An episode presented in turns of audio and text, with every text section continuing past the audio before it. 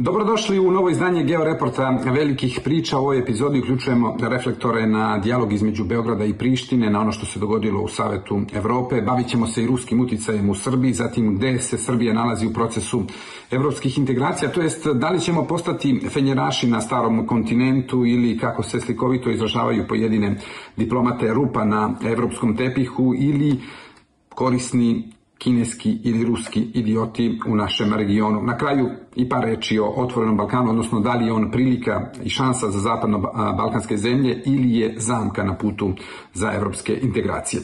Krećemo od prvog pitanja gde se nalazimo u dijalogu Beograda i Prištine. U fazi smo kada će se iskristalisati e, da li će pregovarački proces između Srbije i Kosova pod vojstvom visokog predstavnika Evropske unije Žozepa Borelja definitivno poleteti i stići do zadovoljavajućeg epiloga ili će doživeti svoj krah, kako to u diplomatskom žargonu u Briselu kažu take or break ili kako bi to rekli italijani još slikovitije ola va, ola spaka. U Evropskoj uniji postoji određena zabrinutost u slučaju da pregovori ne urode plodom jer bi to uvelo Beograd i Prištinu, ali čitav region u vrlo neizvestan i turbulentan period. Kosovska strana čini sve da ne ispuni obavezu formiranja zajednice srpskih opština, vlasti u Beogradu uzdrmane masovnim ubistvima u Beogradu i Mladenovcu bi mogle da posegnu za svojim omiljenim rešenjem da izbegnu rešenje, a to su izbori. Novi izborni proces znači zaustavljanje dijaloga, a to bi u ovom momentu značilo i odlaganje bilo kakvog napretka ili novih koraka u normalizaciji odnosa Beograda i Prištine za jesen 2024. godine ili čak za zimu 2025. godine, pošto su sledećeg proleća na programu izbori za Evropski parlament i posledično nas čeka novi visoki predstavnik za spoljnu politiku, a onda će doći izbori u Americi sa neizvesnim ishodom i verovatno da u ovom momentu i Vučić i Kurti e, veruju da bi nova postavka i novo raspored snaga kako u Briselu tako i Vašingtonu mogao da im ide više na ruku nego postojeći. E, kako god bilo, monoetničko Kosovo ili stvaranje Velike Albanije bi bili najveći poraz za Evropsku uniju na Zapadnom Balkanu. E, bukvalno bi obesmislili sve ono što je Evropska unija uradila ili što pokušava da uradi u regionu u poslednjih nekoliko decenija. Jednostavno to bi bio veliki udarac za kredibilnost i uticaj koji Evropska unija ima ne samo u našem regionu, već i u čitavom svetu. Koji je od Srba želeo da napusti Kosovo, to je učinio u prethodnih 20 godina i dakle oni koji su ostali, oni su čvrsto vezali svoju budućnost za taj deo Evrope i zbog toga je upravo obaveza Evropske unije da im obezbedi E, tu priliku i šansu da stvore uslove za održiv opstanak, bez obzira kako će se završiti dijalog Beograda i Prištine. To je prilike što su nam preneli diplomate iz pojedinih država članica Evropske unije u prethodnih nekoliko dana i precizirali su da sve priče o Velikoj Albaniji, Velikoj Srbiji i Velikoj Hrvatskoj jednostavno nemaju utemeljenje u realnosti da se radi više o možemo da kažemo, hipotetičkim intelektualnim raspravama koje ne vode baš nikuda. Principi kontakt grupe iz 2006. godine, i to je na ono na što se podsjeća i na što se podlači, su veoma jasni, dakle, Kosovo ne može da bude podeljeno, ne može da bude spojeno sa drugim državama i ne može da se vrati na status, odnosno status koji imalo pre 1999. godine. Premijer Kosova Albin Kurti e, ne odustaje od svojih maksimalističkih e, zahteva i ponaša se čini se jednako isključivo kao što su se srpski lideri e, odnosili prema Albancima sve do oružane pobune u drugoj polovini 90. godina prethodnog veka. U Srbiji je S druge strane, i dalje veoma mali broj ljudi koji shvata da samo evropsko Kosovo i što je moguće bolji odnosi sa Albancima garantuju opstanak srpskog stanovništva južno od Ibra kao i sigurnost za srpsku kulturnu i versku baštinu. Naravno, pod uslovom da je to cilj Beograda, odnosno da Beograd želi da Srbi zaista ostanu na Kosovu i da sačuvaju kulturno i versko blago južno od Ibra. S druge strane, porediti zajednicu srpskih opština sa Republikom Srpskom je krajnje zlonamerno i to su u poslednje vreme veoma često činili zvaničnici Prištine, počev od njihovog premijera, jer dovoljno je uporediti brojke koje su drastično različite. Srba na Kosovu ima 5%, neki kažu čak i manje, teritorija na kojoj oni žive je manja od 10% i kada se to uporedi sa činjenicom da je jedna trećina stanovništva u Bosni i Hercegovini srpskog porekla i da su i da je Republika Srpska praktično zauzima polovinu teritorije nekadašnje centralne republike socijalističke socijalističke federativne republike Jugoslavije jasno je da se radi o jednoj zlonamernoj manipulaciji. Kosovo u Savetu Evrope. Evropa nije najbolje koordinisala svoje poteze, a nije dobro ni usaglasila tajming sa potezima članica Evropske unije u Savetu Evrope sa tokom pregovaračkog procesa Beograda i Prištine. Kao što je poznato, predlog Evropske unije o kojem Beograd i Priština već mesecima vode pregovor je izašao iz kuhinje najbližeg okruženja francuskog predsjednika Emanuela Macrona i nemačkog kancelara Olafa Šolca.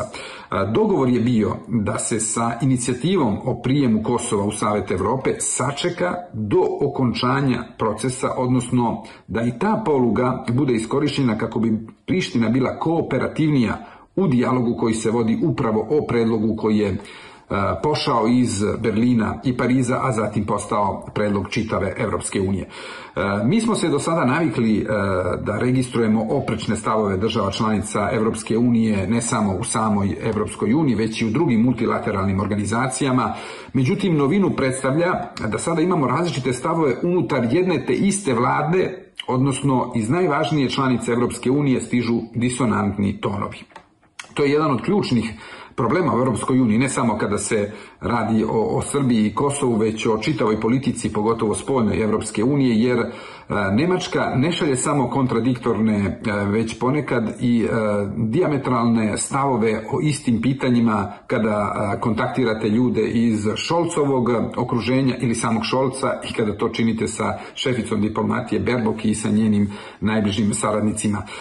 Srbija je u posljednjih nekoliko nedelja bila samo jedna od kolateralnih žrtava sukoba e, koji je sve vidljiviji između socijaldemokrata Olafa Šolca i zelenih e, Berbokove. E, I pored toga što čine dakle deo vladajuće koalicije i pored toga što je praksa i tradicija kada je u pitanju nemačka unutrašnja politika veoma jasna po tom pitanju i da se uglavnom poštuje ono što se dogovorilo i ono što stoji u koalicijonom sporazumu tokom mandata koalicijone vlade, Berbekova sve više solira i sve više povlači poteze koji nisu bili predviđeni koalicijonim sporazumom ili je za to u svakom slučaju morala da konsultuje i kancelara Šolca ili njegovo okruženje. Uglavnom sve što je bilo utanačeno o Savetu Evrope palo je u vodu jer Berbokova nije ispoštovala usaglašeno.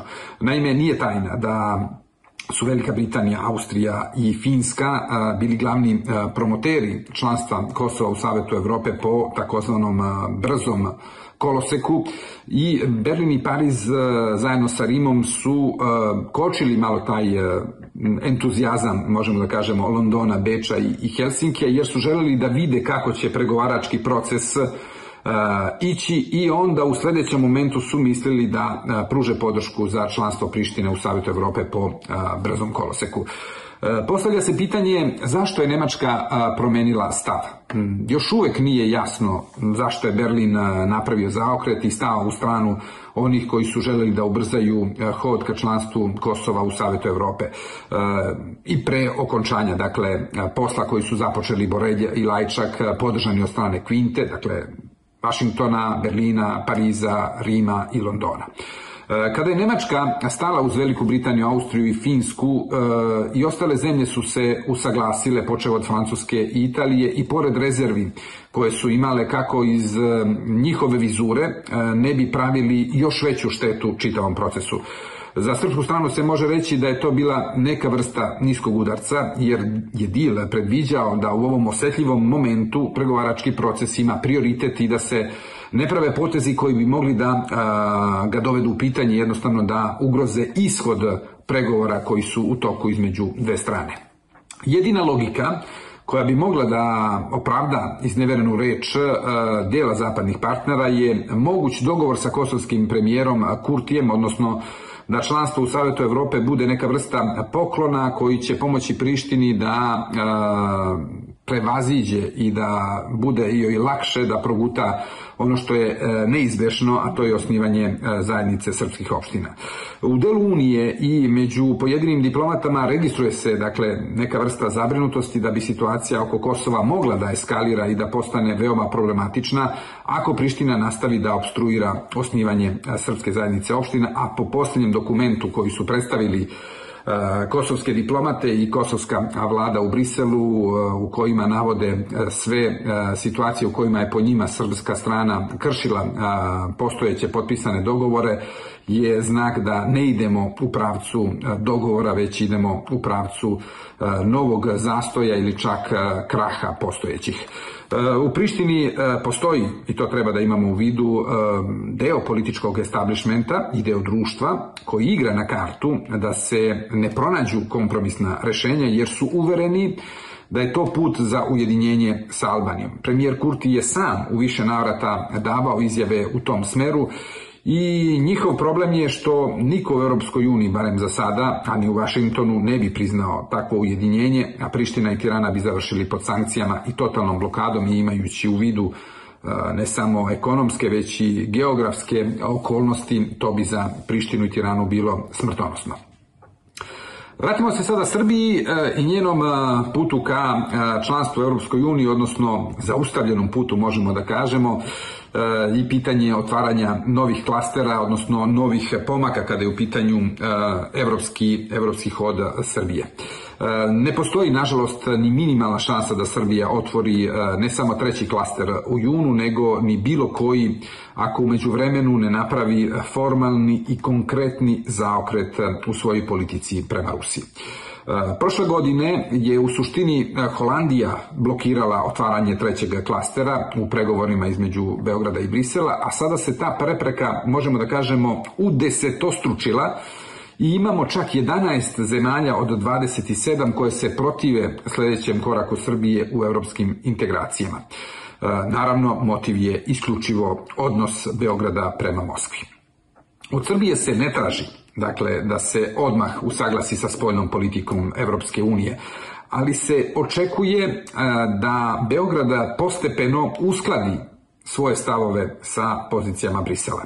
Dakle, nije neophodno da Srbija usvoji odmah koliko sutra, jeli, paket e, svih sankcija koje je Evropska unija već odobrila prema Moskvi, ali je poželjno da Srbija počne da podržava saopštenja, deklaracije i zvanične stavove Evropske unije ne samo naravno kada je u pitanju evropska, odnos prema Rusiji, već i po svim drugim pitanjima iz domena spoljne politike.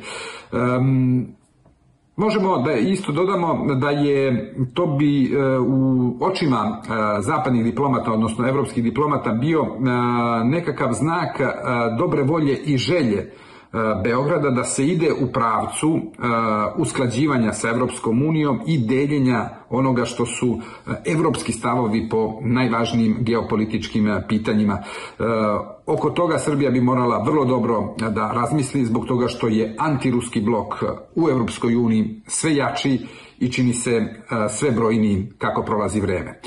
Nije sigurno da će Srbija otvoriti klastere i to treba takođe naglasiti čak i ako uvede sankcije Rusiji, ali nema nikakve sumnje da neće napraviti nijedan sledeći korak u evropskim integracijama dok ne bude uvela barem deo sankcija, odnosno dok ne bude napravila jasne korake u saglašavanju sa spoljnom politikom Evropske unije.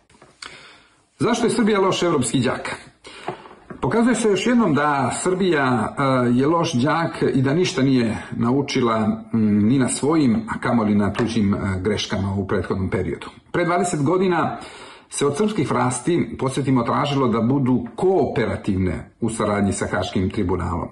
Niko nije tražio na početku ni hapšenje Karadžića ni Mladića. E, zbog toga je Srbija izgubila dragoceno vreme, a sa naknadnom pameću bi rekli da je to bilo i presudno da Srbija ne postane članica Evropske unije u razumnim rokovima.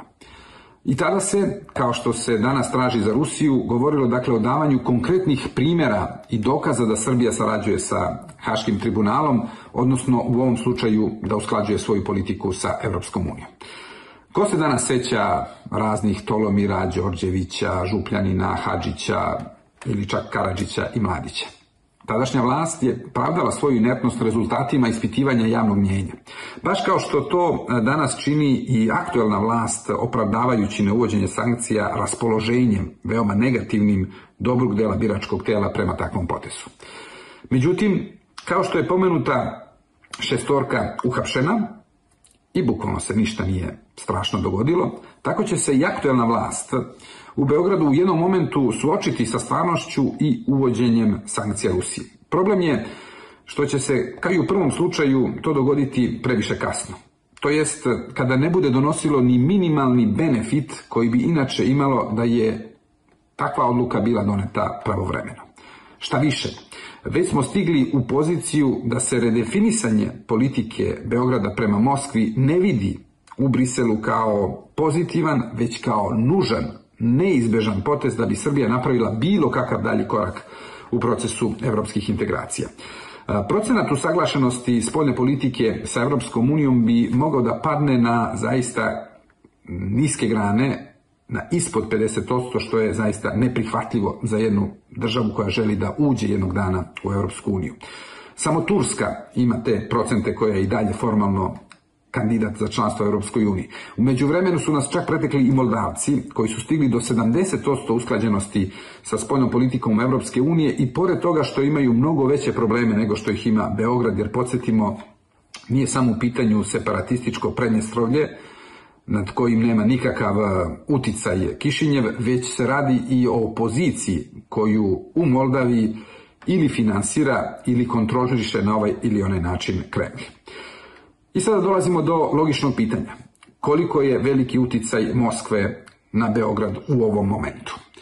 U najvećim članicama Europske unije e, smatraju da je priča o uticaju e, kao i geopolitičkim ciljevima Moskve na Zapadnom Balkanu mnogo više proizvod predrasuda i lova u mutnom pojedinih političkih stranaka i organizacija koje bi da profitiraju na širenju uverenja da ruski e, medved samo što nije zagrlio prostor od Panonske nizije pa do Jadranskog i Egejskog mora, nego što je to realno stanje stvari na terenu. S jedne strane, Rusiji odgovara da se širi fama o njenom uticaju i moći, a zakletim ruskim neprijateljima u Europskoj uniji i NATO dobro dođe da se homogenizuju i izbijaju redove zasnovane na opasnosti pretpostavljenoj od Moskve. Činjenica je da je uticaj Rusije na države Zapadnog Balkana mnogo manji nego što je bio pre 10 ili 15 godina, ne samo u Srbiji, već i u drugim zapadno-balkanskim državama poput Bosne i Hercegovine, Crne Gore ili, ili Severne Makedonije. E, to je delom zbog novonastale situacije, a još više e, zbog suštinske nezainteresovanosti Kremlja za prostor bivše Jugoslavije. Ako stavimo na stranu politiku dezinformacija i širenja lažnih vesti od ruskih medija sa sedištem u Beogradu, ne postoji ni jedan drugi ozbiljni znak da se Moskva interesuje za ovaj prostor ili da igra važnu ulogu u ekonomskom, vojnom ili strateškom smislu. Najviše što Rusija može da ostvari u našem regionu je da podriva napore da se naš prostor veže jače za Europsku uniju i da države naprave pomak i progres kada su u pitanju evropske integracije.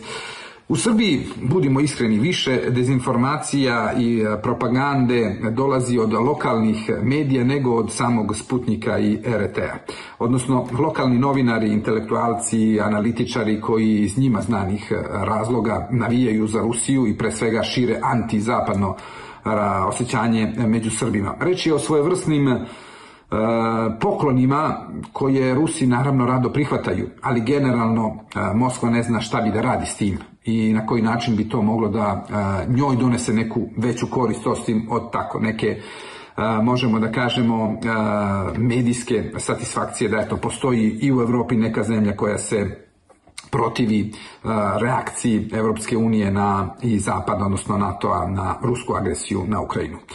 E, Moskva je van igre i to je svima jasno koji prate detaljno i izbliza e, razne procese koji se događaju na Zapadnom Balkanu u svim e, kriznim žarištima od Bosne i Hercegovine preko Srbije do Crne Gore i Severne Makedonije. Rusi se zaista ništa ne pitaju niti u pregovorima oko Kosova, što je svima praktično jasno.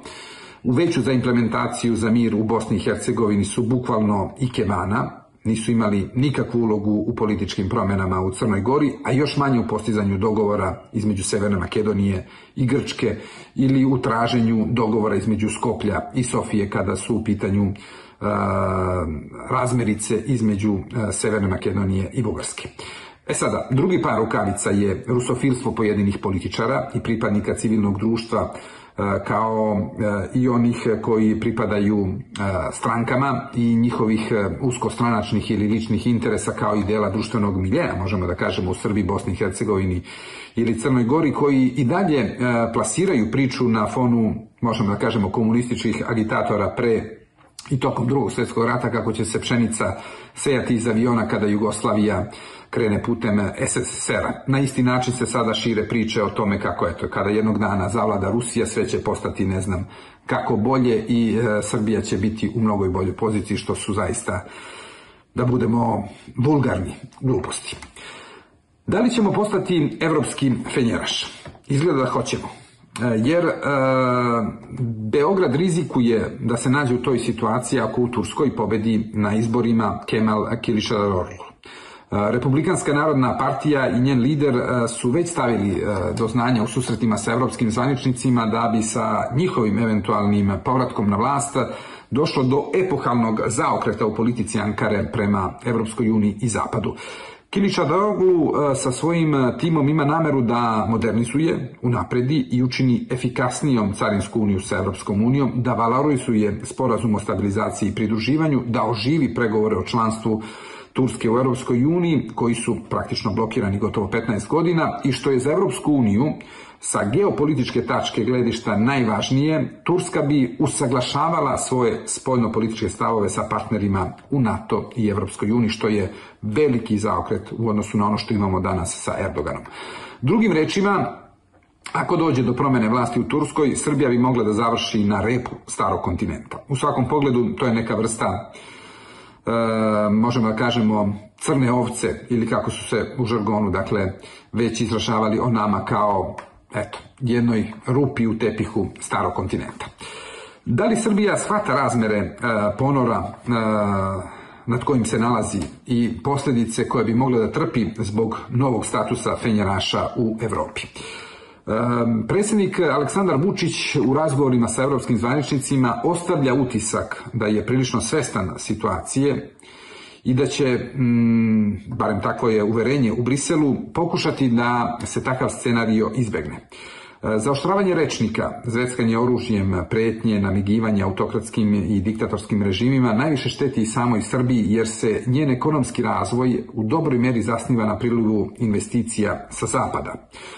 U ratno-huškačkom ambijentu nijedan legalni i zdrav kapital ne ostaje, već ima tendenciju da se skloni na sigurnije prostore. Pre par meseci srpske vlasti su bile upozorene od strane evropskih i američkih partnera da bi moglo da dođe do posljedica ako bi se nastavilo sa izuzetno vulgarnom antizapadnom retorikom i propagandom koja se vodila iz Beograda. Uglavnom, ovde govorimo o ekonomskoj i privrednoj sferi, znači to bi bile posljedice u tom kontekstu. Na Adrićevom momentu su ispravno protumačili ta upozorenja i došlo je barem privremeno, sve dok nije eksplodirao slučaj Savet, u Savetu Evropi sa ITER-om za učlanjenje Kosova u tu organizaciju. Registrovani pomaci u odnosima između Beograda i Zagreba u pomenutom kontekstu su veoma ohrabrujući imajući u vidu dalji tok evropskih integracija Srbije, jer dobra okolnost u prilično neveseloj realnosti je da srpska strana ima dovoljno vremena da ispegla odnose sa Hrvatskom i da tako deaktivira uslovno rečeno još jednu nagaznu minu u procesu evropskih integracija. Podsjetimo odluke o proširenju u Evropskoj uniji, čak i u reformisanom formatu, bit će e, donošene jednoglasno ili konsenzusom. Dakle, neophodno je imati što bolje odnose sa svima, a posebno sa onim članicama Evropske unije sa kojima postoje e, nerašićeni računi, a Hrvatska je svakako jedna od njih. Idemo na širu sliku. Tri scenarija za proširenje Evropske unije. U Europskoj uniji e, kruže razne ideje kako da se popuni ovaj prazan prostor koji se stvorio između Zapadnog Balkana i Europske unije, jer je sve izvesnije da proširenje u sljedećih deset godina neće biti e, realizovano ni na jednu zemlju. Odnosno, dok e, ne budu bile sprovedene unutrašnje reforme u Europskoj uniji, a one trenutno nisu na vidiku, e, neće biti moguće primiti ni jednu novu članicu u Uniju. Zbog toga su se iskristalisale tri, možemo da kažemo, solucije, odnosno tri različita scenarija za politiku proširenja Europske unije i jedna alternativa. Scenariji bi mogli da se definišu kao tavorenje, ubrzavanje integracija Ukrajine u Europsku uniju bez političkih i pozitivnih efekata na Zapadni Balkan i profilisanje politike proširenja kao geopolitičkog cilja Europske unije što bi omogućilo dogledni ulazak u Europsku uniju zapadno-balkanskim zemljama. Alternativa o kojoj se debatuje sve ozbiljnije je da se državama na Zapadnom Balkanu omogući pristup jedinstvenom tržištu, uključujući i pristup fondovima i kreditima po povlašćenim uslovima. Prvi i drugi scenarij su veoma loši za Srbiju i komšijske zemlje, ne samo za Srbiju, već i za sve druge zapadno-balkanske države. Čak ne zna se koji bi delovao, možemo da kažemo, pogubnije, da li tavorenje ili apatija ili frustracija zapadno-balkanskih država koje bi gledale kako Ukrajina grabi ka članstvo u Europskoj uniji dok one tapkaju u mestu. Treći scenario je najoptimističniji i najbolji je za države našeg regiona zbog toga što bi samo u ambijentu u kojem je proširenje Europske unije na Zapadni Balkan prioritetni geopolitički cilj moglo da dođe i do željenih pomaka i do stvaranja tog neophodnog ambijenta i momentuma da se stvari pokrenu i da idu brže. Za razliku od Zapadnog Balkana, koji je ostao bez sponzora u državama članicama Europske unije ili ima sponzore u zemljama koje nemaju tu specifičnu težinu da bi mogli da stvari poguraju. Ukrajina ima veoma jaku podršku u e, jednom delu članica Europske unije, pogotovo od strane istočnog bloka i nordijskog bloka sa izuzetkom Mađarske. E, kvalitativna prednost Kijeva je što u Berlinu i pogotovo u Parizu e, imaju ideju da iskoriste Ukrajinu kako bi primorali pojedine zemlje, pogotovo iz Skandinavije i istočne Europe, da pristanu na reformu Europske unije, pogotovo u oblasti odlučivanja, odnosno da se ukine i kada je u pitanju spoljna politika i bezbednostna pravilo jednoglasnog i konsenzusnog odlučivanja i da se pređe na kvalifikovanu većinu. U međuvremenu je čak i ostvora napravljen klub zemalja za kvalifikovano, kvalifikovanu većinu kao sistema i kao oblika odlučivanja u Europskoj uniji koju čine šest zemalja koje su osnovale Europsku uniju, dakle Italija, Francuska, Nemačka, Belgija, Holandija i Luksemburg, plus Španija, Slovenija i Finska. Neko čak u toj grupi vidi i e, otprilike nukleus mogućeg jezgra, odnosno te čuvene kern Evrope, tvrdog oraha Evropske unije o kojoj se pričalo u prethodno vreme. E, Francuska i Nemačka, dakle, bi e, mogle da stave Poljsku a zatim i, i Mađarsku, koji su glavni oponenti reforme unutar EU, pred veoma neugodan izbor, odnosno mogli bi da ih primoraju da pokažu koliko su zaista iskreni u svojoj podršci Ukrajini i šta su spremni da u tom smislu možemo da kažemo žrtvuju, odnosno da učine za Kijev. U prevodu put Ukrajine, a posljedično i celog Zapadnog Balkana u Europsku unije je vezan za reforme unutar Europske unije i bez njih neće biti novih proširenja. Otvoreni Balkan, šansa ili zamka.